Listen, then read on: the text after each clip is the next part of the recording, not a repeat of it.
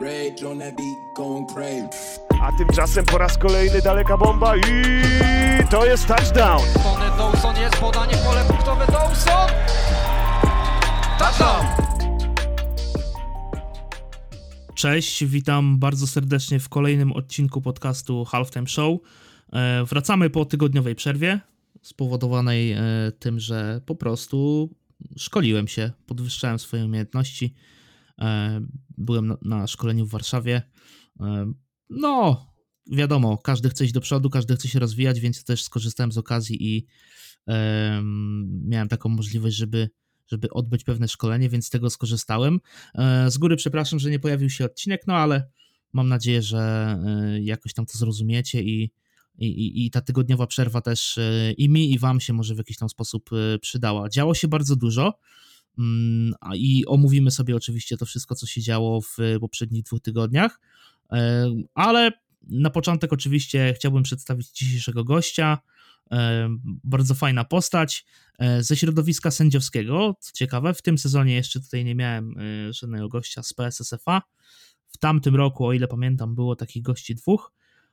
No ale tym razem jest ze mną Hubert Romańczyk z Polskiego Stowarzyszenia Sędziów Futbolu Amerykańskiego. Witam, dzień dobry. Dzień dobry, witam Cię Kamilu, witam wszystkich słuchaczy Halftime Show. Mm, Hubert to jest y, bardzo ciekawa postać. Ja tutaj już na starcie zaproszę na jego profil Twitterowy, bo tam zwłaszcza e, w sezonie NFL Hubert analizuje takie jakieś takie kontrowersyjne zagrania i wyjaśnia pewne sytuacje. E, Jeżeli chcecie się dowiedzieć czegoś więcej na temat danych zagrywek, coś co wydaje się sporne, e, to odsyłam, bo bardzo duża dawka wiedzy i, i, i też na przykład jeżeli wy macie jakieś akcje takie, które potrzebują jakiegoś dodatkowego wyjaśnienia, to też Hubertowi na Twitterze na pewno można e, podesłać link z nagraniem i, i, i Hubert wyjaśni o co chodzi. Mm, No ale dobrze, zostawmy, zostawmy na razie NFL, bo to dopiero na jesieni. Przejdźmy do tego, co, co jest ważne w tym odcinku, czyli pierwsza kwestia, jaką sobie przygotowałem na dziś, to zostały ogłoszone Mistrzostwa Polski w futbolu flagowym. E, Czyli coś, co tak naprawdę jest e, nowością w, w naszym tutaj kalendarzu futbolu amerykańskiego w Polsce. Gdzieś tam zawsze te turnieje flagówkowe były e, przy okazji jakichś różnych wydarzeń. Coroczny turniej oczywiście Beach Ball Kolbudy, e, czyli turniej futbolu flagowego na plaży. Teraz zostały ogłoszone oficjalne Mistrzostwa Polskie w futbolu flagowym, cztery turnieje eliminacyjne i tutaj od razu zaznaczę, bo już pojawiały się takie pytania, czy trzeba brać udział we wszystkich czterech. Nie, nie trzeba brać udziału we wszystkich czterech turniejach eliminacyjnych, wystarczy wybrać jeden. Mm, Są to kolejno 24 lipca w Ząbkach, czyli dzień po Polish Bowl, potem 30 lipca Beach Bowl Kolbudy, czyli ten turniej, który był organizowany rokrocznie. E, Wszedł w skład też eliminacji do Mistrzostw Polski Futbolu Flagowego. Potem 7 sierpnia w Sieradzu, czyli też e, w nowym miejscu na futbolowym Babie Polski. No i mm, ostatni turniej eliminacyjny 13 sierpnia e, jest napisane Śląsk Małopolska, dlatego że jeszcze tam do końca nie jest potwierdzone miejsce. Najprawdopodobniej e, będzie to Kraków, ale jeszcze o tym na pewno związek będzie informował. No i całość zakończy się 28 sierpnia turniejem finałowym w Rybniku, czyli też tak jak rok temu mieliśmy taki turniej towarzyski e, w Rybniku, teraz to będzie połączone też z takim festiwalem e, sportów alternatywnych, więc naprawdę e, fajna impreza.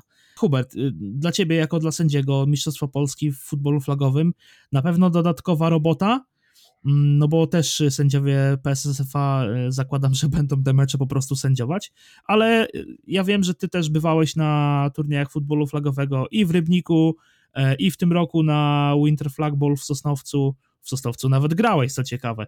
E, Także no jak oceniasz to, że zostały powołane takie Mistrzostwa Polskie w futbolu flagowym, bo flagówka to pewnie taka ciekawa sprawa i, i, i ja na przykład ze swojego doświadczenia, jak jeździłem na te turnieje, to tam zawsze było fajnie i tak e, bardzo luźna taka atmosfera.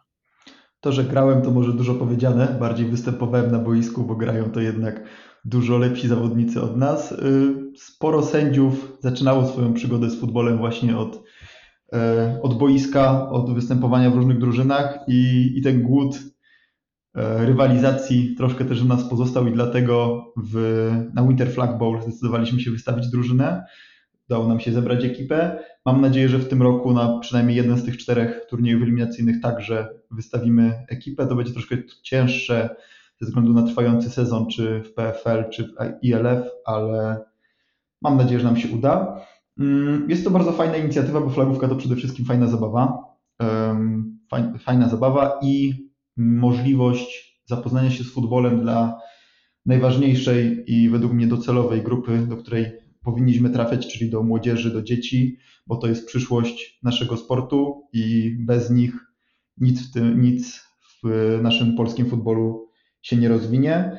I tak sędziowie PSFA będą y, sędziować te wszystkie turnieje eliminacyjne i turniej finałowy w flagówce. To nie jest coś, co robimy na co dzień, to nie jest coś, co, w czym mamy takie doświadczenie jak sędziowanie futbolu amerykańskiego. Jest to coś zupełnie nowego dla nas, natomiast czy to na szkoleniu przedsezonowym w Warszawie, czy w trakcie sezonu też mieliśmy trochę rzeczy a propos flagówki. Tutaj na odpowiedzialnym z ramienia PSF za flagówkę jest Mikołaj Burzec, którego bardzo serdecznie pozdrawiam i, e, i on nas przygotowuje do tych turniejów, które będziemy sędziować. No właśnie, wspomniałeś o tym szkoleniu e, przedsezonowym, to ja też tutaj e, dopytam, bo E, przed tym sezonem nawet było na profilu też PSSF-a napisane, że bardzo duży nacisk położyliście na to, że ten futbol flagowy jakby zyskuje na popularności. Też wy jako sędziowie przygotowujecie się do tego, żeby no po prostu być przygotowani na, na to, żeby sędziować te mm, turnieje, czy też Mistrzostwo Polski w futbolu flagowym. Będąc na turniejach, ja zauważyłem, że z reguły mecz sędziujecie w dwie osoby, jedno spotkanie w dwóch sędziów. E, jeśli się mylę, to mnie popraw, e, ale mm, takie najważniejsze różnice. Ja wiem, że to w ogóle jest zupełnie co innego niż taki pełnoprawny futbol amerykański, nawet, nawet w wymiarze tym dziewięcioosobowym, tak, gdzie też sędziujecie z reguły w mniejszych obsadach takie najważniejsze kwestie, jakbyś mógł wymienić, bo z tego co ja tak zdążyłem zauważyć, to na przykład pilnujecie to, że QB ma na przykład 5 sekund na, wyrzu na wyrzucenie piłki, y, też ten czas blicowania y, do rozgrywającego, też chyba bodajże po 3 sekundach dopiero można do rozgrywającego podbiec i go, y, że tak powiem, zaatakować, czyli, czyli tam próbować ściągnąć mu flagę. Jakie są te takie największe różnice, takie rzeczy, które są jakby podstawowe, na których musicie się skupić przy okazji meczu, flagówki? Tak, żeby jeszcze poprawić, to wydaje mi się, że jest 7 sekund na wyrzucenie piłki przez QB. Nie, nie mam teraz przy sobie tych przepisów, a od dawno ich nie przeglądałem, natomiast wydaje mi się, że tam jest 7 sekund. I co do bliców, to że spoza linii yardowej tam chyba też 7 yardów można blicować. Tak, sędziujemy te mecze flagówki w dwie osoby. Na Mistrzostwach Świata flagówki i na takich międzynarodowych turniejach tych sędziów na boisku jest czterech. Natomiast na meczach właśnie naszych turniejowych E, sędziów jest, jest po dwóch. Przede wszystkim zwracamy uwagę mm, na to, gdzie się ta akcja zakończyła. Tak jak już mówiłeś wcześniej, na czas, w jakim quarterback trzyma piłkę w rękach, na to, czy flaga została wyrwana, gdzie się wtedy znajdowała piłka, a dodatkowo rzecz, która jest największą różnicą dla mnie, jak sędziowałem ten turniej rok temu w Rybniku, to to, kto zainicjował kontakt, tak? No bo futbol flagowy jest odmianą futbolu, która jest jest czy powinna być bezkontaktowa. I każdy taki kontakt, który jest specjalny, tak? Nie jest przypadkowy, tylko specjalnie został zainicjowany, no to jest faulem. I bardzo ciężko często jest mm, dojść do tego, która strona ten kontakt zainicjowała. I to jest chyba, chyba największy problem przy sędziowaniu flagówki. E, ja jeszcze dopowiem e, ze swojej strony, że tutaj już powiedziałem te wszystkie terminy i miejsca, gdzie te eliminacje do tych e, turniejów eliminacyjne tych mistrzostw Polski w futbolu flagowym się odbędą, ale też ważne jest, ważna jest kwestia rejestracji. Wszystkie informacje znajdziecie na stronie związekfa.pl, tam jest zakładka futbol flagowy oraz taki news właśnie specjalny stworzony o tych mistrzostwach Polski. E, rejestrujecie się wykorzystując formularz, który jest podlinkowany właśnie w e, tym artykule oraz w zakładce futbol flagowy. No i co jest ważne, tam jest też regulamin tych całych mistrzostw Polski. E, warto go przeczytać od początku do końca bardzo dokładnie, bo są tam właśnie wszystkie kwestie zawarte związane właśnie z drużyną, że jest to e, minimalnie pięciu graczy, tak, no bo gramy na boisku po pięciu, maksymalnie w zespole może być 10 zawodników e, plus trener, czyli tak de facto e, łącznie w zespole jest 11 osób, 10 zawodników plus trener.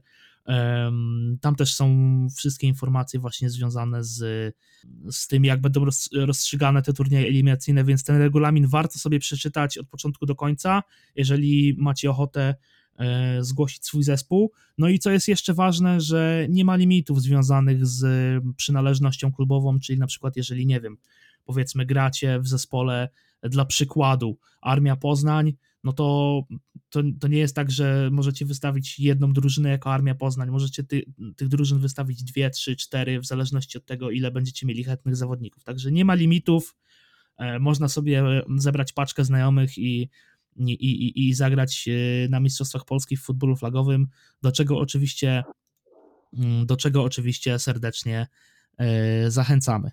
Mm, dobrze, przejdźmy sobie do, do, do następnego tematu. Już przejdziemy sobie do tych takich e, tematów związanych z sędziowaniem. No bo też pojawiła się taka informacja, że jakby wy, cały czas Polskie Stowarzyszenie Sędziów Futbolu Amerykańskiego się rozwija. E, no i nie wiem, czy zostaliście zaproszeni, czy, czy, czy jak to wyglądało, to możesz, możesz powiedzieć. E, pojawicie się na Mistrzostwach Świata Kobiet w Finlandii, które odbędą się w lipcu tego roku. E, jak, jak to się stało, że, że, że PSSFA wylądowali aż, aż w Finlandii? No tak, przed sezonem na szkoleniu IFAF dla sędziów z całego świata pojawiła się właśnie informacja, że w tym roku w Finlandii odbędą się Mistrzostwa Świata Kobiet w futbolu amerykańskim i y, są zaproszeni na to wydarzenie sędziowie z całego świata. I każdy kraj mógł y, wytypować kilku swoich kandydatów. Y, my jako PSFA przygotowaliśmy czterech kandydatów. Jedna osoba niestety ze względów osobistych nie mogła, nie mogła pojechać, natomiast tą trójkę, która, którą zdecydowaliśmy się wystawić ostatecznie, Cała ta trójka się dostała, także na pozycji field judge'a będzie to Ewa Walentynowicz, na pozycji line judge'a będzie to Oliwia Kamieniecka i na pozycji headlinesmana będzie to Marcin Szczepański. I ta trójka w, od 30 lipca do 7 sierpnia będzie sędziować w Finlandii właśnie Mistrzostwa Świata Kobiet. Na te Mistrzostwa Świata y, pojedzie 8 drużyn. Będą to Stany Zjednoczone, Kanada, Meksyk, Finlandia, Szwecja, Wielka Brytania, Australia i Niemcy. I sobotę 30 lipca odbędą się mecze ćwierćfinałowe, potem w środę 3 sierpnia odbędą się mecze półfinałowe i repasaże na dole drabinki i y, mecze ostatnie, czyli mecze tam o siódme, piąte miejsce, mecz o trzecie miejsce i finał odbędą się w niedzielę 7 sierpnia.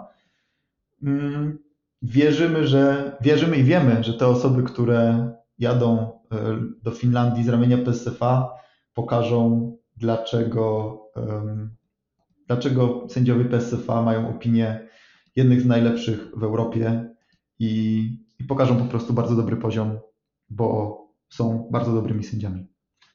No właśnie chciałem do tego nawiązać, że, że pojawiają się takie głosy, że e, PSSFA to e, jedni z najlepszych sędziów w Europie. E, no to też jakby ciężka praca, tak? I, i, I to, że bardzo dobrze sędziujecie mecze, też rozwijacie stowarzyszenie, no to też popłaciło tym, że jesteście zapraszani zarówno do ILF-u, jak i właśnie na takie turnieje międzynarodowe.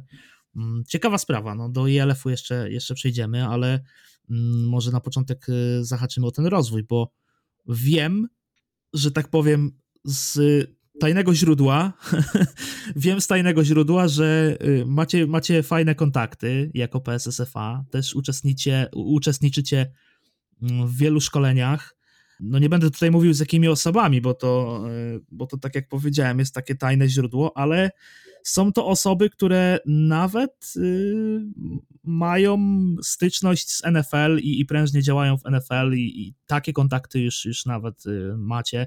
Pojawiliście się w tym programie też y, kilka lat temu mm, na, na Fox Sports, pamiętam była ta sytuacja analizowana z Polish Ball bodajże z 2020 roku, więc no jest syto, że tak powiem. No i czy, czy możesz powiedzieć coś więcej na temat y, tych szkoleń, tych kontaktów, które macie, co to wam daje? E, nie wiem, jest to potężna dawka wiedzy, pomaga wam to, nie wiem, w ILF pewnie głównie, bo, bo ILF jest grany na zasadach NFL.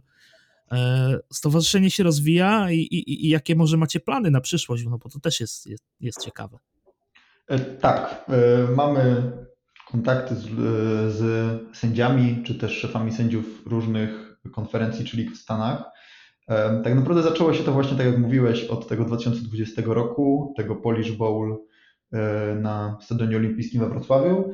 Tam mieliśmy bardzo ciekawą sytuację związaną z kickoffem i zdecydowaliśmy się właśnie to poprzez social media skontaktować się z pewnymi osobami w Stanach, żeby nam po prostu pomogły, tak? Jak takie, mm, takie sytuacje oceniać, czy był to faul, czy zwracać na to uwagę i tak dalej, i tak dalej.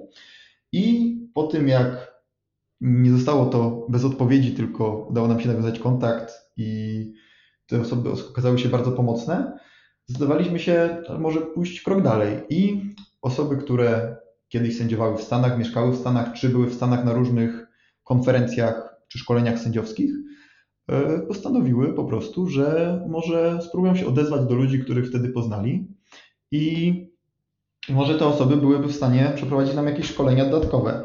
I tak naprawdę dzięki temu od zeszłego roku, od marca, regularnie mamy spotkania z sędziami, e, z sędziami NFL. Mamy również to bardziej do, do ligi ILF, no bo tak jak mówiłeś, w lidze ILF gramy na przepisach NFL. Od tego sezonu mamy również kontakt do sędziów koleżowych, do sędziów NCAA, którymi debatujemy na temat rzeczy, które dzieją się w polskiej futbol lidze, no bo jak wiadomo, w polskiej futbol lidze gramy na przepisach zbliżonych do tych przepisów koleżowych. Um, oni także przekazują nam swoje filozofie, przekazują nam, jak oceniać mecze, jak oglądać potem swoje mecze, Mm, jak po prostu sprawiać, żeby z każdym kolejnym przesędziowanym spotkaniem stawać się coraz lepszym sędzią, jak eliminować błędy, na co zwracać uwagę, na co patrzeć. I też szkolenia z ludźmi, którzy najczęściej siedzą w futbolu od, od wieku, kiedy mieli 5-6 lat, czyli tak jak my w Polsce siedzimy w piłce nożnej, to jest coś, co jest naprawdę ogromną dawką wiedzy widać i słychać to doświadczenie i tak naprawdę po tym, jak analizuje się to, co, to, co oni mówili, to to naprawdę ma wiele sensu i, i staramy się to wprowadzać w naszym sędziowaniu. E, wspomniałeś o tym e, ILF, o tym też, co ja mówiłem, że dużo wam to daje. E, no i drugi sezon z rzędu sędziujecie w ILF. Macie tam już taką mocno ugruntowaną pozycję. I, i jesteście doceniani też na arenie tej europejskiej. Mm, chciałem tutaj poruszyć nowe zasady ILF-u, do których też musieliście się przystosować. Wiele lig, zarówno tych, które grają na zasadach NCAA mm, oraz właśnie European League of Football. Co roku, jakby zmieniając swoje zasady, pojawiają się pewne nowe przepisy, pewne nowe takie sytuacje, które, które są na boisku, e, z takich e, najważniejszych zmian, które w ostatnich latach, na przykład w Polsce się pojawiły, to te faule za blindside block, tak, czyli e, jest to już tak mocniej mocniej się na to patrzy. E, w ILF przed tym sezonem też taka potężna zmiana przy kickoffie, czyli mamy to rozwiązanie z XFL. Ci, którzy mieli okazję oglądać e, spotkania ILF już w tych dwóch kolejkach, które się odbyły, to na pewno zauważyły, że ten kickoff jest wykonywany troszkę inaczej. Ja, jak rozmawiałem dwa tygodnie temu tutaj z Jakubem Mazanem, to e, powiedziałem takie zdanie, że no były takie komentarze gdzieś tam na, na grupach tych ILF, że no, że tam wystarczą dwa tak naprawdę dobre, dwa, trzy dobre bloki i możemy mieć touchdown, no ale e, no jakoś zawodnicy są do tego przygotowani i, i widzimy, że, że ten okres przy, przygotowawczy przed sezonem poskutkował tym, że te kickoffy są wykonywane dobrze. No ale zacznijmy od początku. E, nowe zasady w ILF i, i, i wy jako PSSFA też wiem, że jest takie przedsezonowe szkolenie. W Hamburgu ono, ono było w tamtym roku, było też w tym roku. Jak y, wy przygotowujecie się do tego sezonu w Europie? Tak, no jak były zmiany w przepisach, czy są dalej zmiany w przepisach koleżowych, czy IFAF, to to są zazwyczaj po dwa, trzy przepisy zmieniane na sezon. Jak jest jakaś duża zmiana, na przykład blindside block, no to ona tak naprawdę wchodzi sama, nie ma tam żadnych, żadnych innych udziwnień. Natomiast yy, I myślałem, że jak będzie przejście na przepisy NFL w lidze ILF, no to to są te przepisy koleżowe, tylko do tego dodajemy tam dwie stopy w boisku, e, trochę inne e, instant replay, i, ale także, że z, grubsza, że z grubsza to jest bardzo podobne. Nic bardziej mylnego. To są dwa zupełnie inne rulebooki, dwa zupełnie inne zestawy przepisów. To tak naprawdę jest zupełnie inny sport, który się, który się sędziuje. I nawet nie chodzi o poziom zawodników na boisku, ale także o te przepisy. Zaczynając od rzeczy, które dla kibiców czy dla zawodników nie są aż tak istotne, a dla sędziów są chyba najważniejsze, czyli odmierzanie kar, które jest zupełnie inne niż w przepisach e, NCAA czy w przepisach IFAF. E, dając przykład, na przykład odmierzanie kary 5 versus 15, czyli jeżeli jedna drużyna popełni jakąś, jakieś małe przewinienie, a druga drużyna popełni przewinienie osobiste, to w przepisach koleżowych czy w przepisach IFAF te kary i tak się znoszą i mamy powtórzenie próby, a w przepisach um, NFL i LF odmierzana jest tylko kara za przewinienie osobiste, a kara za małe przewinienie jest, jest odrzucana. Czyli przykładowo jedna drużyna popełnia offside, a druga drużyna popełnia face mask. Mm, dodatkowo, tak jak już wcześniej wspomniałem, te dwie stopy w boisku to zupełnie, zupełnie inaczej sędziuje się takie, w takiej sytuacji złapania przy linii. I tutaj bardzo dobry właśnie, bardzo dobry tip, jak do tego podchodzić. Sprzedał nam jeden sędziów NFL, który też niedawno przeskakiwał z tych przepisów koleżowych na przepisy NFL, żeby liczyć te stopy po złapaniu nawet w środku boiska. Bo jeżeli wyrobimy sobie taki nawyk, że nawet w środku boiska będziemy liczyć te stopy raz, dwa, raz, dwa, raz, dwa, to potem przy złapaniach, czy to przy sideline, czy przy y, linii końcowej, też będziemy mieli w głowie to raz, dwa i też szybko będziemy w stanie, w stanie podjąć taką decyzję. Już przechodząc do takich bardziej szczegółowych przepisów, w tym roku zmiana, w zeszłym roku zmiana w NFL, w tym roku zmiana w ILF o niskich blokach, że tylko i wyłącznie w tight boxie, czyli w takim prostokącie, który rozciąga się 5 yardów w obie strony od linii wznowienia i po 2 yardy od każdej strony takla, tylko tam można wykonywać niskie bloki. Wszystkie niskie bloki poza tym tight end boxem są nielegalne. I tak jak już wspomniałeś, ta duża zmiana, duża zmiana z kickoffem.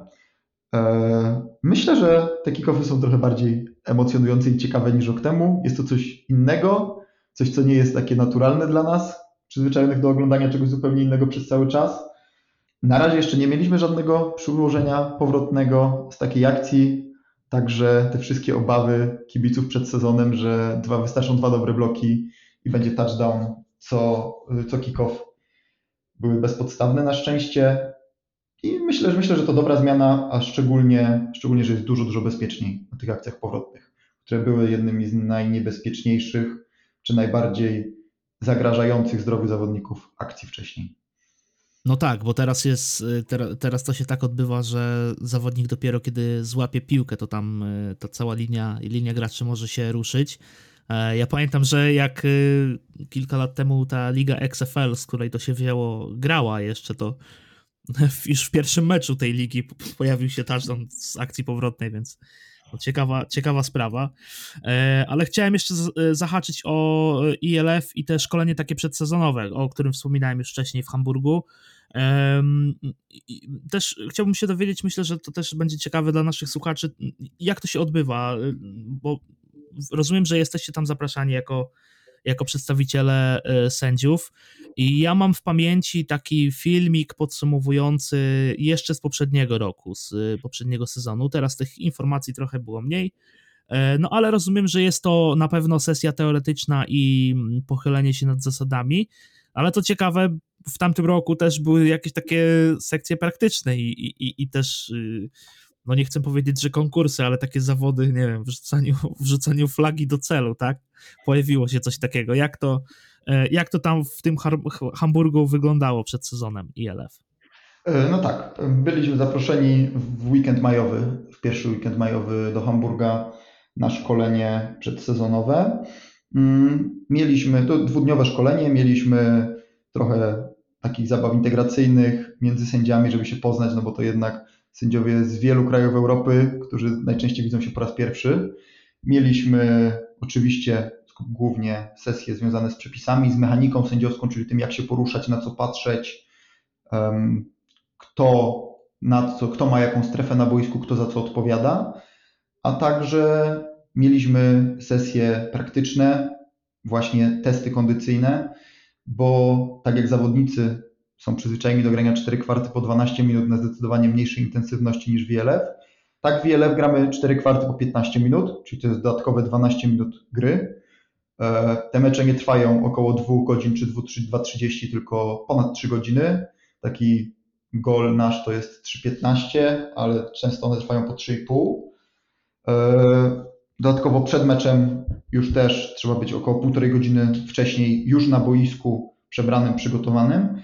Więc jest to tak naprawdę 5 godzin ciągłego wysiłku i w związku z tym te testy fizyczne, przedsezonowe również, również muszą być. One były zarówno wytrzymałościowe, jak i szybkościowe.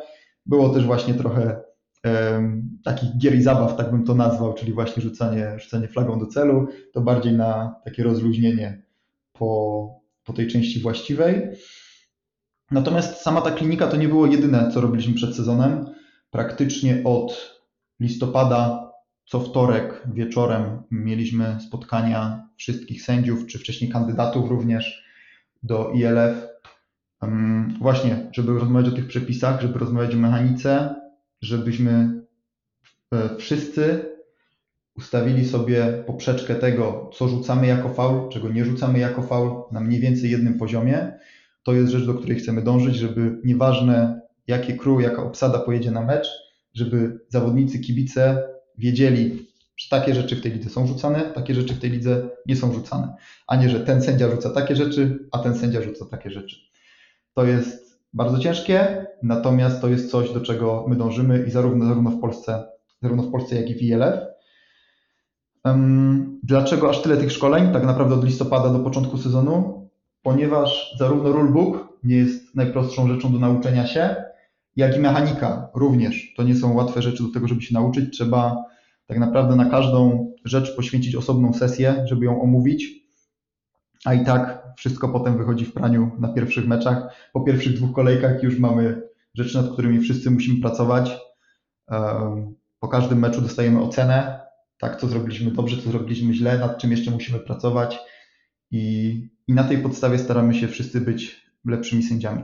I działa to zarówno w lidze ILF, o której teraz rozmawiamy, jak i w PFL, w PSFA również. Po każdym meczu to nie tylko zawodnicy dostają od swoich trenerów oceny, w której akcji postąpili dobrze, w której akcji postąpili źle, ale także my jako sędziowie dostajemy oceny, w której akcji postąpiliśmy dobrze, w której akcji postąpiliśmy źle, w której akcji poruszaliśmy się dobrze, patrzyliśmy na dobre rzeczy, a w której akcji umknął nam faul, który powinniśmy byli rzucić, albo kto nas uratował w danej sytuacji i tak dalej, i tak dalej, i tak dalej.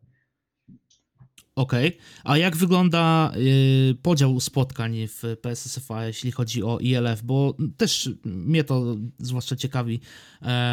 czy Liga ILF wam wybiera spotkania, na jakie się pojawicie, czy to wy w waszym gronie w PSSFA wybieracie sobie spotkania, na które jesteście w stanie pojechać, jesteście w stanie je zrobić? No bo E, w tamtym, w tamtym roku i, i w tym chyba też e, będzie tak, że głównie mm, ja zauważyłem, że pojawiacie się na przykład w Hamburgu, e, w Berlinie, no ale na przykład w tym roku widziałem, że, że, że w tamtym tygodniu sędzia, sędzia Bartek Marciniak był na przykład na meczu w Wiedniu, na, na meczu Vienna Vikings, który odbył się w ostatnim tygodniu, więc jak to się odbywa? Wy dostosowujecie waszą dostępność do sezonu w Polsce, czy sezon w Polsce dostosowuje się do meczów ELF, bo w pewnym momencie, w pewnym momencie roku to wszystko się zazębia, no i jak sobie tak patrzę na kalendarz, to e, okres lipcowo-sierpniowy będzie jeszcze bardziej intensywny, bo mamy tak, półfinały i finały mm, PFL, czyli ligi PFL 1 oraz PFL 2. Później po Polish Ball już są Mistrzostwa Polski w futbolu flagowym, no i w tym okresie cały czas gra też Liga ELF, więc, e, więc wy macie intensywność bardzo dużą. No i jeszcze będą te Mistrzostwa Świata Kobiet, o których mówiliśmy mm, przed momentem. No jak to wszystko pogodzić? No tak, y, mamy 13 sędziów z Polski, którzy sędziują aktualnie mecze w ILF y, i Damian, którego też serdecznie pozdrawiam z tej strony, współpracuje z ligą na, te, y, na temat dostępności naszych weekendów, czyli kiedy, który weekend sędziujemy w Polsce, a który weekend możemy poświęcić na, Ligę ILF. Natomiast to też nie jest tak, że to jest koncert życzeń, że my sobie wybieramy, a w tym tygodniu to jest mecz, na który ja bym chciał pojechać, tak, bo chcę sobie zobaczyć Stambuł na przykład. To zupełnie tak nie działa. Tutaj, jeżeli jesteśmy dostępni w tej lidze ILF, to liga sama wybiera, na które mecze, na które mecze jakiego sędziego przydzielić. No jest to związane z wieloma kwestiami, przede wszystkim logistyką, tak, czyli podróże, jak, jak się dostać do danego miejsca, jak wrócić po meczu, szczególnie, że mecze najczęściej są w niedzielę o 15, czyli tak naprawdę opuszczasz boisko w niedzielę o 19, a w poniedziałek na 8 na 9 do pracy, więc e, takie kwestie logistyczne również są brane pod uwagę. Mm, I tak, tak, to jest problem, żeby połączyć rozgrywki w Polsce PFL, flagówkę PFL 9 e, czy Mistrzostwa Świata w Finlandii, o których rozmawialiśmy, z Ligą ILF. Natomiast jak na razie nam się to udaje, nie wiem, czy będziemy w stanie w przyszłości również też tak łączyć. Natomiast mam nadzieję, mam nadzieję, że się uda. Żebyśmy mogli tak łączyć, potrzebujemy więcej sędziów i to jest rzecz, do której też mam nadzieję, że przejdziemy. Natomiast bardzo nam brakuje sędziów. Chcielibyśmy, żeby tych sędziów po prostu najlepiej było dwa razy więcej. Wtedy nie trzeba by było wybierać, tak, co my, co chcemy, czy na które mecze możemy wysłać trochę większą obsadę, a na które mecze niestety musimy wysłać tylko pięć osób. Natomiast na chwilę obecną mamy tych sędziów za mało. Zaczyna się sezon dziewiątkowy od połowy sierpnia. To jest idealny moment w tym momencie, jeżeli ktoś się zastanawia, żeby rozpocząć kurs sędziowski. E, bo dwa miesiące tak naprawdę kurs praca, praca samodzielna, plus oczywiście pytania do Kamila, który zajmuje się e, szkoleniem naszych rukisów, naszych adeptów sędziowskich. I tak naprawdę, jeżeli do tego sierpnia uda się przejść przez całe szkolenie i zdać ten egzamin końcowy, to można już sędziować, czy to mecze PFL 9, czy mecze juniorskie, których mam nadzieję, że w tym roku będzie zdecydowanie więcej niż rok temu. No właśnie, to idealny timing wybrałeś, bo to jest nasz następny punkt programu, czyli e, rekrutacja do PSSFA.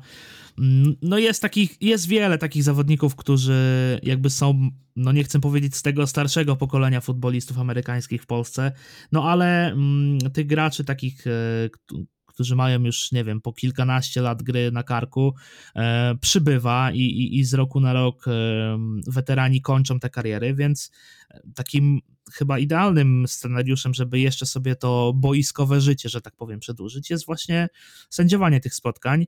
Mm, no i tak jak powiedziałeś, rekrutacja do Was jest otwarta tak naprawdę cały rok bo e, od tamtego sezonu, jeśli dobrze pamiętam, wyprowadziliście taką, taką nowość, taką funkcję, taki feature, że, że można ten kurs sędziowski odbyć zdalnie, całkowicie online.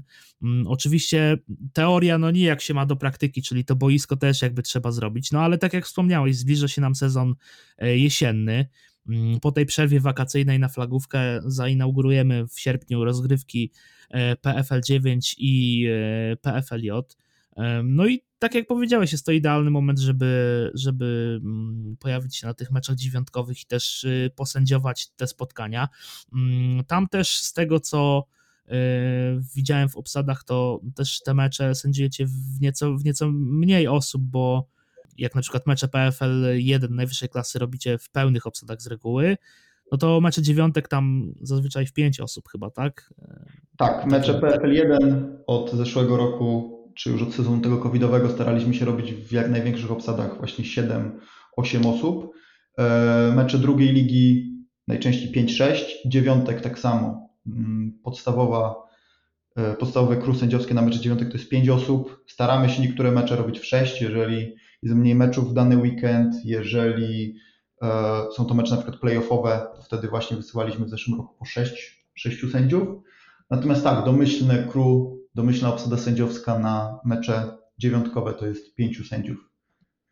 No i warto zaznaczyć, że, no bo tutaj powiedziałeś o tym, że, że w PFL 2 z reguły ta obsada jest nieco mniejsza, ale jeżeli są mecze jakieś takie, gdzie e, no nie wiem, może być gorąco, że tak to powiem, albo są to mecze właśnie playoffowe, już półfinały, półfinały finały, no to ta obsada jest też y, zwiększona. Przynajmniej staracie się zwiększyć te obsady. Tak, tak, dokładnie. I natomiast docelowo chcielibyśmy bardzo, żeby na każdym meczu było pełna obsada, pełna obsada ośmioosobowa. Do tego potrzeba bardzo dużo sędziów, do tego potrzeba mm, dużej liczby y, arbitrów, którzy są w stanie to robić. Natomiast jest to możliwe. W Niemczech nawet mecze GFL 3 są robione y, w siedmioosobowych składach, więc nawet te mecze Ligi Regionalnej mają pełną obsadę sędziowską. Mam nadzieję, że może kiedyś z rozwojem futbolu w Polsce będziemy w stanie wystawiać takie obsady na każdy mecz. Oczywiście zachęcamy. Tak jak y, powiedziałem przed momentem, wszystko jest dostępne na stronie sędziów, czyli pssfa.org. Tam y, na pewno znajdziecie zakładki, jeżeli jesteście zainteresowani y, dołączeniem do, do grona sędziów. Zachęcamy, no bo tak jak tutaj mówi Hubert, sędziów ciągle jest mało. Trzeba tą obsadę sędziowską, ilość tych sędziów trochę zwiększyć, więc jeśli słuchają tego zawodnicy, którzy, no nie wiem, są już gdzieś tam u schyłku swojej kariery, albo po prostu, e, no nie wiem, może granie w futbol im nie za bardzo odpowiada, są zmęczeni, są skontuzjowani, a chcą być ciągle na boisku, no to mm, bycie sędzią, bycie zebrą też jest jakimś rozwiązaniem i jakimś wyjściem. Na pewno gorąco, e, gorąco polecamy. Przypom przypominam jeszcze raz, że pssfa.org i tam e, zakładka odnośnie rekrutacji na pewno będzie dostępna. No i szkolenie całkowicie zdalne. Można to zrobić e, w domu, potem ewentualnie mm, jakieś takie boiskowe sytuacje można przećwiczyć już na zewnątrz, więc na pewno fajna opcja, żeby dołączyć do PSSFA. Hubercie, e, wiem, że ty jako sędzia nie za bardzo możesz mówić o meczach. Już jak w tamtym roku rozmawiałem tutaj z przedstawicielami PSSF, no to musiałem też ja uważać na, na język i, i nie zadawać takich pytań odnośnie drużyn czy meczów. No ale postaram się ten, ten panel taki, który tutaj zawsze jest w podcaście o odnośnie meczów, e, poprowadzić tak, żebyś też mógł mm, w jakimś stopniu się wypowiedzieć. Mm, odbyły się mecze, które tak naprawdę zaważyły nam o playoffach, o półfinałach, zarówno w drugiej lidze, jak i w lidze pierwszej. Mm, zacznijmy może od tej e, ligi drugiej, PFL 2. Trzy spotkania odbyły się w miniony weekend. Mm, najważniejsze z nich, czyli Wieliczka Dragons kontra Bielawa Owls, zakończyło się zwycięstwem Dragons 13 do 0. No i tutaj mm, to spotkanie przesądziło o tym, że Wieliczka zagwarantowała sobie grę w playoffach, a Bielawa Owls kończą sezon najzwyczajniej w świecie, już mają pewne trzecie miejsce, nic się tutaj już e, nie zmieni. Mm, dalej, Tytani Lublin e, przegrali z Jaguars Kąty Wrocławskie 21 mm, do 32. E, no i doszliśmy do takiej sytuacji, gdzie mm, w PFL 2 w grupie południowej ostatnie starcie pomiędzy e, Jaguars Kąty Wrocławskie a Wieliczką Dragons rozstrzygnie nam o tym miejscu w tabeli, która drużyna e, zajmie miejsce pierwsze, która, która drużyna zajmie miejsce drugie. Mm, no i to będzie się związało z tym, że drużyna z pierwszego miejsca zorganizuje półfinał na własnym obiekcie, a drużyna z miejsca drugiego pojedzie na wyjazd do pierwszej drużyny z grupy północnej. Mm, no i ostatnie spotkanie, na którym byłeś, mm, na którym byłeś tak naprawdę białą czapką, bo sędzią, sędzią głównym. Spotkanie w Gdańsku. Wataha Zielona Góra wygrywa z Białymi Lwami Gdańsk 36 do 0. Mm, miałem okazję śledzić to spotkanie, oglądałem. E, wiem, że za dużo nie możesz powiedzieć tak o, o, o, samym meczu, o zawodnikach, o grze, ale chcę się zapytać Ciebie e, o kwestie takie właśnie związane z, e, z sędziami, kwestie sędziowskie, bo pojawiło się na przykład kilka takich cofniętych przyłożeń. Były takie sytuacje, że tam było kilka fauli i musieliście cofać akcję. E, z takich ciekawszych rzeczy, które możesz powiedzieć o tym meczu e, z sędziowskiej strony, takie kary, które e, są warte wyróżnienia, czy, czy był to taki typowy mecz bez historii? Tak naprawdę nie ma meczów bez historii, bo każdy mecz jest bardzo ważnym meczem dla zawodników, którzy nie grają. To jest takie coś, co powtarzamy sobie jako sędziowie przed każdym meczem, przed większością meczów, że do każdego ze spotkań musimy podchodzić, jakby to był najważniejszy mecz dla, dla, dla wszystkich zawodników. Bo nigdy nie wiemy, czy na trybunach yy, dla jakiegoś zawodnika nie siedzi bardzo ważna osoba, przed którą chce się pokazać, yy, czy to jest na przykład pierwszy mecz w jego karierze, czy ostatni mecz w jego karierze. To jest bardzo kontuzyjny sport, bardzo kolizyjny sport i nigdy nie wiemy, która akcja, czy dana akcja nie będzie ostatnią akcją tego zawodnika, więc do każdej akcji, do każdego meczu musimy podchodzić dokładnie tak samo skoncentrowani e, i nie mogą to być dla nas mecze bez historii. E, co się działo w Gdańsku na meczu z takiego sędziowskiego punktu widzenia? No tak naprawdę z ciekawych sytuacji mieliśmy jedno cofnięte przyłożenie przez niesportowe zachowanie taunting, gdy zawodnik biegnący z piłką, już będący sam przed polem punktowym, obrócił się i pomachał palcem do, e, do zawodników obrony. No niestety jest to kara 15-jardowa, jest to niesportowe zachowanie cofające przyłożenie. W przepisach IFAF to jest kolejna różnica do przepisów NFL, o których rozmawialiśmy wcześniej, gdyż w przepisach NFL przyłożenie byłoby uznane, a kara była odmierzona czy to na podwyższeniu, czy na kickoffie. A w przepisach IFAF jest to dużo bardziej karane, bo zabierane jest przyłożenie tak naprawdę w takiej sytuacji.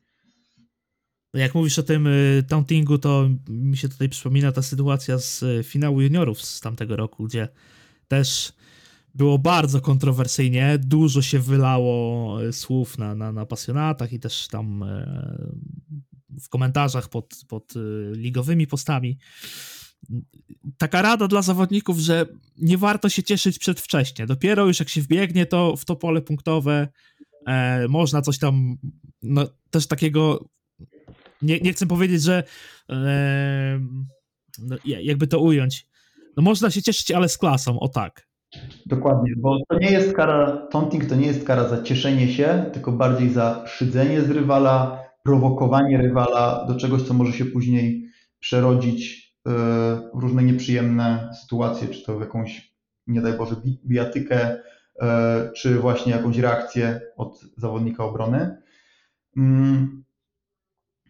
Także to nie jest kara za to, że zawodnik się cieszył, tak? Bo to, to, że zawodnicy się cieszą w sporcie, który generuje takie emocje, nie jest niczym złym, nie jest niczym dziwnym, czy nie jest niczym, za co my byśmy chcieli karać, czy, czy za co karzemy.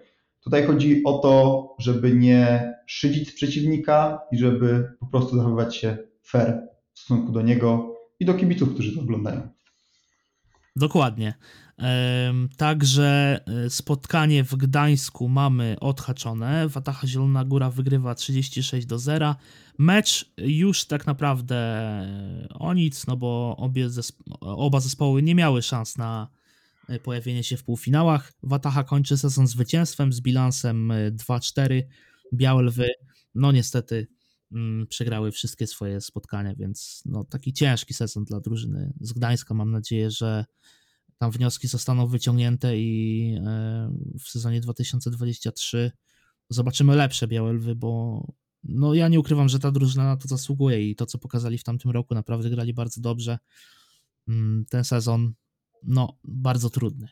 Yy, ale przejdźmy teraz do jedynki, czyli do najwyższej klasy rozgrywkowej. No i tutaj, no i tutaj się działo, bo ja miałem dylemat, czy wybrać mecz y, Panthers Wrocław o godzinie 15, czy mecz Warsaw Mets.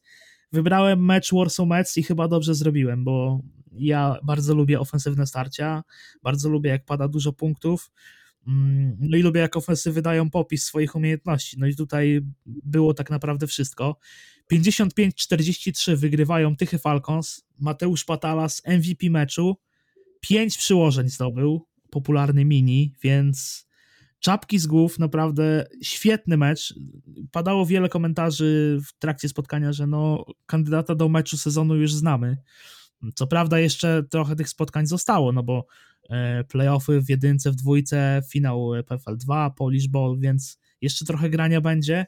No ale na pewno, y, jeżeli zrobilibyśmy sobie taki ranking po sezonie najlepszych spotkań, no to mm, na pewno spotkanie w Białymstoku, Lowlanders Rebels, no i Warsaw Mets Tychy Falcons. Polecam, jeśli ktoś nie widział, to e, ja myślę, że skrót nie odda tego, to trzeba poświęcić te trzy godziny i obejrzeć ten mecz od początku do końca, bo naprawdę świetny mecz. Mm, no i drugie spotkanie e, Warsaw Eagles Lowlanders Białystok. E, teoretycznie gospodarzami tego meczu byli e, Warsaw Eagles, tak wychodzi według terminarza, no ale w praktyce to spotkanie zostało zorganizowane w Białymstoku, co ciekawe na głównej płycie Stadionu Miejskiego w Białymstoku, mm, gdzie na co dzień gra Jagiellonia. Fajnie się to oglądało, bardzo fajny kąt kamery na transmisji. E, były informacje, że 2,5 tysiąca kibiców pojawiło się na stadionie, więc bardzo fajny event dla Lowlanders. Też e, czapki z głów dla nich za to, że udało się zorganizować spotkanie sezonu zasadniczego na takim obiekcie. Mam nadzieję, że częściej będziemy to widzieć, że w sezonie zasadniczym Lowlanders rozegrają przynajmniej jedno spotkanie a może nawet i więcej na tej głównej płycie, bo naprawdę wyglądało to bardzo dobrze. Mm, Lowlanders wygrywają bez problemu i zagwarantowali sobie udział w półfinałach. Zorganizują półfinał na własnym obiekcie 9 lipca o godzinie 13. No i czekają na rywala. No i czekają na rywala, i tutaj możemy też płynnie przejść do zapowiedzi Week 11, tego co przed nami bo e, mecze te ostatniej kolejki dopiero PFL 1 dopiero za dwa tygodnie, mm, no ale przed nami ostatnia kolejka w drugiej lidze i tutaj też jest walka o półfinały. E, na początek Olsztyn Lakers, Armia Poznań. Mm, Armia ma od, do odrobienia z tego, co mi wiadomo, z tego, co patrzyłem i liczyłem, 16 punktów bo mm, pierwszy mecz w Poznaniu wygrali Lakers. Armia musi gonić, żeby wskoczyć na pierwsze miejsce w tabeli grupy mm, PFL 2 grupy północnej. Jeśli wygrają Lakers albo Armia wygra y, mniej niż tym 16 punktami, no to wtedy y, Lakers zorganizują półfinał na własnym boisku. Jest tak, czy, czy coś pomyliłem? Mogę, mogłem coś pomylić, bo ja z liczeniem to mam problemy, mówiąc kolokwialnie. Mm, szczerze powiedziawszy, nie sprawdza, nie będę cię sprawdzał, bo tak jak mówię, czy to na tabelę, czy na wyniki poszczególnych meczów, aż tak się na tym nie skupiamy. Bardziej patrzymy na to, jak drużyny grają, na co się mamy przygotować przed danymi spotkaniami, e, a nie patrzymy na to, kto będzie faworytem tego spotkania, czy kto powinien wygrać.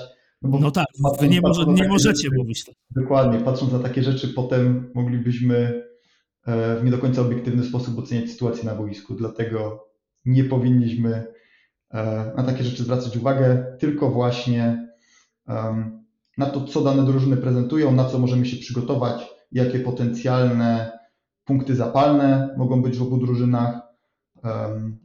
I to jest rzecz, na którym my się, my się skupiamy przed meczem. W tym meczapie Lakers z Armią, ja byłem na tym pierwszym meczu w Poznaniu, y, byłem na stadionie w Golęci, na, na Golęcinie, na poznańskim Golęcinie, oglądałem to spotkanie na żywo, no i mówisz o tych momentach zapalnych, no i tam y, z tego co mi wiadomo, to trzech graczy nie pojawi się w Olsztynie. Jest to Szymon Barczak, Damian Banaszak i Alonso Brok. Oni zostali w tym pierwszym meczu z boiska mm, wyrzuceni, wyproszeni. No i dostali zawieszenia, więc y, w Olsztynie się nie pojawią, nie zagrają. Tak, ale to będzie tak czy siak bardzo, myślę, że bardzo wyrównany i bardzo ciekawy, bardzo ostry mecz y, z wieloma zawodnikami, którzy nie odpuszczą i będą do końca grali o jak najlepsze rozstawienie przed fazą playoffów, także um, tam na pewno będzie ciekawie i tam um, sędziowie mam nadzieję, że zrobią wszystko, aby ten mecz odbył się jak najbardziej zgodnie z przepisami. No tak, bo w tym pierwszym spotkaniu to e, było ostro. Tak jak mówię, ja na tym spotkaniu byłem i, i, i naprawdę było tam takich kilka momentów, które też z sędziowskiego punktu widzenia można przeanalizować i, i dochodzić do tego, czy dane, mm, dane zagranie było czyste, czy nie. Naprawdę, no, ten mecz w Poznaniu był taki no, ostry e, i mam nadzieję, że, że to spotkanie w Olsztynie będzie czystsze, nie chcę powiedzieć, że łagodniejsze, no bo to futbol to jest twardy sport, e, no ale pod kątem takich fauli i zagrań to naprawdę życzymy sobie, żeby to było spotkanie dużo czystsze niż to, mm, to w Poznaniu. Lecimy dalej. E, Jaguars Kąty Wrocławskie, Wieliczka Dragons. Tutaj już w tym spotkaniu chwilę mówiłem. Starcie, które rozstrzygnie, kto będzie miał pierwsze miejsce na południu. No i tak naprawdę cztery ekipy już, e, już możemy to powiedzieć otwarcie, że cztery ekipy znajdą się w półfinałach. E, pytanie tylko, kto zagra z kim, czyli e, Lakers i Armia, no i na południu Jaguars i Dragons, no i tutaj to spotkanie w kątach wrocławskich sobotnie mm, odpowie nam na pytanie, która drużyna wyjdzie z pierwszego miejsca, która wyjdzie z drugiego miejsca. Mm, no i na zakończenie e, Tytani, Lublin, Hammers, Łaziska Górne. Podobne spotkanie jak to, które mieliśmy okazję oglądać w Gdańsku. Mecz tak naprawdę już y, o nic. Mm, no ale y, no ale Hammers i Tytani na pewno e, będą chcieli e, dobrze zakończyć sezon. Co ciekawe, właśnie tutaj powiedziałem wynik tego meczu w Lublinie, który się odbył w miniony weekend, Tytani Lublin Jaguars. Tytani zdobyli 21 punktów, E, ja wiem, że ty nie możesz nic mówić o drużynach, no ale ja, ja tutaj powiem o Tytanach e, to, e, o czym już tak naprawdę mówię przez cały sezon, że to jest drużyna, która mm, naprawdę bardzo fajnie się rozwija i zdobyć 21 punktów na Jaguars to też, to też jest w tym roku sztuka, bo, bo Jaksi grają naprawdę dobry futbol. Pytanie, jak właśnie będzie w tym rewanżu z Hammers, w tym meczu ostatnim, i ile obie drużyny zdobędą punktów, bo myślę, że i Hammers Tytani zasługują na dobrą zdobycz punktową i, i fajne mm, zakończenie sezonu. Nie obraziłbym się, jeśli to by był taki mecz ofensywny, jak to spotkanie w Warszawie, które mogliśmy oglądać w miniony weekend. Także życzę powodzenia obu zespołom i oby to było fajne zakończenie sezonu dla tych dwóch ekip. E, dobrze, czyli tak się prezentuje Week 11, bez spotkań w PFL 1, bez spotkań w najwyższej klasie rozgrywkowej, mm, no ale jeszcze zostały nam, e, został nam tak naprawdę ostatni temat, czyli Panthers Wrocław, bo tutaj też e, warto powiedzieć o tej drużynie, która rozpoczęła swój drugi sezon w ILF. Mm, bilans 2-0, najbliższy mecz we Frankfurcie z Frankfurt Galaxy, Frankfurt dwa spotkania przegrał, ma bilans 0-2, czyli no, zadyszka e, aktualnego mistrza. Mm, Panthers oczywiście wygrali pierwszy mecz z Kings 34-27, e, teraz e, w Stuttgarcie wygrali 28-25. Mm, zwłaszcza w tym Stuttgarcie wszyscy mówili, że miało być łatwo, ale tak nie było, bo trzeba było się troszkę troszkę postarać. Ja przyznam szczerze, że tak śledziłem ten mecz jednym okiem, bo byłem skupiony na tym, co się dzieje w Warszawie. Mm, na drugim monitorze miałem odpalony mecz e, w Stuttgarcie i tak tylko zerkałem, co tam się dzieje. No natomiast teraz e, to spotkanie we Frankfurcie na pewno sobie obejrzę, bo mam w pamięci to, co się działo rok temu, gdzie tam była okropna ulewa i, i ten mecz był przerywany. Oby teraz było słonecznie i, i, i odbyło się to spotkanie mm, tak, jak się powinno odbyć. Yy, ty, Hubert, śledzisz ligę ILF tak y, od kulis, w sensie transfery, jakieś takie ciekawe, nie wiem, statystyki graczy. Yy, jesteś fanem tych rozgrywek tak prywatnie? Jestem fanem tych rozgrywek, natomiast fanem tych rozgrywek w takim sensie, że bardzo kibicuję, żeby, żeby ta liga się rozwijała. Bardzo bym chciał, żeby jak najwięcej drużyn w niej grało. Bardzo bym chciał, żeby ona była jak najbardziej popularna, bo uważam, że to jest bardzo dobra rzecz dla rozwoju futbolu w Europie i u nas w Polsce, żeby jak najbardziej rosła popularność tej ligi. Transferami się interesuję, patrzę, co się dzieje, natomiast głównie ze względu na to, żeby przed meczem wiedzieć, na co się przygotować. Tak jak mówiłem, że w PFL to robimy, tak samo w ILF, e, szczególnie na takim poziomie, też musimy wiedzieć, na co się mamy przygotować ze, stron obu drużyn. Tak jak drużyny, trenerzy robią scouting rywali, tak my robimy sobie też scouting tego, jakie drużyna ma tendencje, co z jakiej formacji najczęściej gra, na co się musimy przygotować i tak dalej. Także pod tym względem również śledzę transfery czy, czy dokonania poszczególnych zawodników. No to jak śledzisz transfery, to na pewno wiesz, że szerokim echem odbyło się to, y, odbył się ten, y, odbił się ten transfer Carlisa Brownsa, który y, tam y, szukał swoich szans y, w kanadyjskiej CFL. Finalnie wrócił do Europy, y, do zespołu z Frankfurtu, co ciekawe, mm, z którym zagra teraz Panthers, więc to będzie taki pojedynek no, jakby to powiedzieć, Carlis Browns wraca, wraca na stare śmieci, ale, ale nie do Wrocławia, a do Frankfurtu, a Frankfurt zagra teraz z Wrocławiem, więc będzie to takie spotkanie spotkanie starych znajomych, e, ale jeszcze co, co jest ciekawe, co mi mignęło dzisiaj rano na, na Facebooku, zobaczyłem e, statystyki. Mm, wiesz, kto prowadzi w rankingu e, running backów? Domyślasz się? Myślę, która drużyna bardzo biega.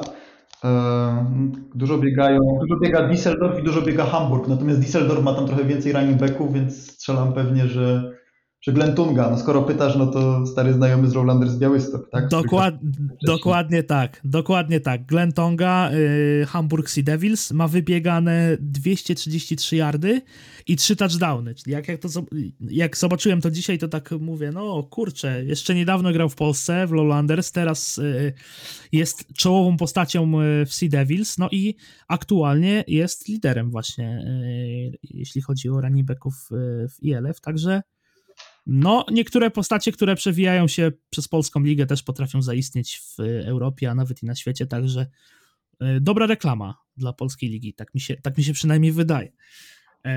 No ale dobrze. Powoli będziemy kończyć. Ja tradycyjnie e, zachęcam do tego, żeby, żeby co? Żeby e, zainteresować się tematem kawy, bo macie to w opisie. Jeżeli chcecie wspomóc podcast Halftime Show, to jest opcja postawienia kubka kawy. Wszystkie linki są w opisie.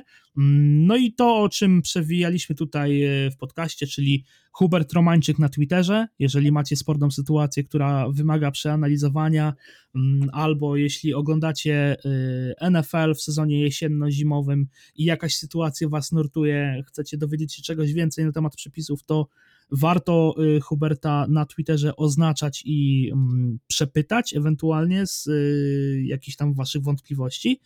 Mm, no i oczywiście rekrutację do sędziów, czyli pssfa.org, rekrutacja w pełni zdalna, jeśli y, kończycie karierę, albo nawet jeżeli chcielibyście być bliżej tego środowiska futbolowego, e, być na boisku, mm, no to istnieje właśnie opcja, żeby e, założyć biało-czarną, pasiastą e, koszulę i wyjść na boisko i sędziować spotkania Polskiej Futbol Ligi. Teraz jest do tego idealny czas, żeby odbyć kurs, bo tak jak już tutaj wspominaliśmy, zbliża się ten sezon e, jesienny PFL 9, PFL J, więc no nie ma, nie ma, nie ma lepszej, lepszego czasu. Jeżeli macie trochę czasu w weekendy, chcielibyście pojeździć po Polsce, trochę pozwiedzać i przy okazji fajnie spędzić czas, bo sędziowanie to również jest sposób na bardzo fajne spędzanie czasu, to zachęcam zapraszamy do tego naszego grona. Przyda się więcej sędziów i na pewno, jeżeli zdacie egzamin, przejdziecie całe to szkolenie, to na pewno swoje szanse na boisku i w tym sezonie, i w kolejnych sezonach będziecie dostawać. E, można, wszystko można sprawdzić u nas na stronie internetowej, jak prezentują się obsady e, sędziowie, którzy zaczynali w ostatnich latach, jakie mecze teraz sędziują, więc naprawdę zapraszamy. Dużo tych meczów będzie na dziewiątkach, na juniorach mam nadzieję, że jeszcze więcej niż rok temu, że tych drużyn juniorskich będzie coraz więcej, także okazje na pokazanie swoich umiejętności na pewno będą. Tak, no i y, jeszcze mm, ostatnia kwestia, czyli te Mistrzostwo Polski w futbolu flagowym, o których mówiliśmy na początku. Tak jak powiedziałem już wcześniej w audycji, nie ma przynależności klubowej, zbieracie ekipę mm, od 5 do 10 osób plus ewentualny trener, rejestrujecie się, wszystkie linki są na związekfa.pl, tam też jest regulamin, o którym mówiłem, że e, należy go przeczytać e, bardzo dokładnie, mm, bo tam są wszystkie zasady. E, także zachęcamy też do tych mistrzostw polskich w futbolu flagowym. Fajna sprawa. Ja ze swojej strony gorąco polecam, bo Byłem już na tych kilku turniejach futbolu flagowego i naprawdę w każdym, na, na każdym było bardzo fajnie. Mm, także tak, rejestrujcie się, e, składajcie drużyny i mm, wystąpcie na tych Mistrzostwach Polski, bo niewątpliwie warto.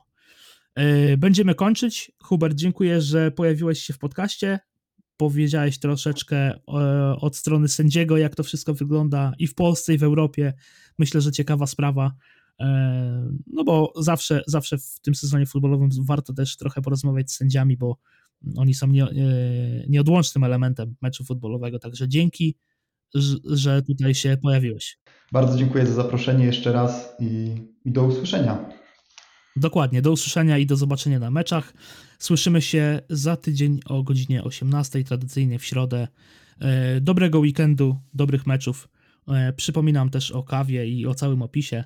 Także to standardowo macie tam e, załączone. Także do następnego. Na razie.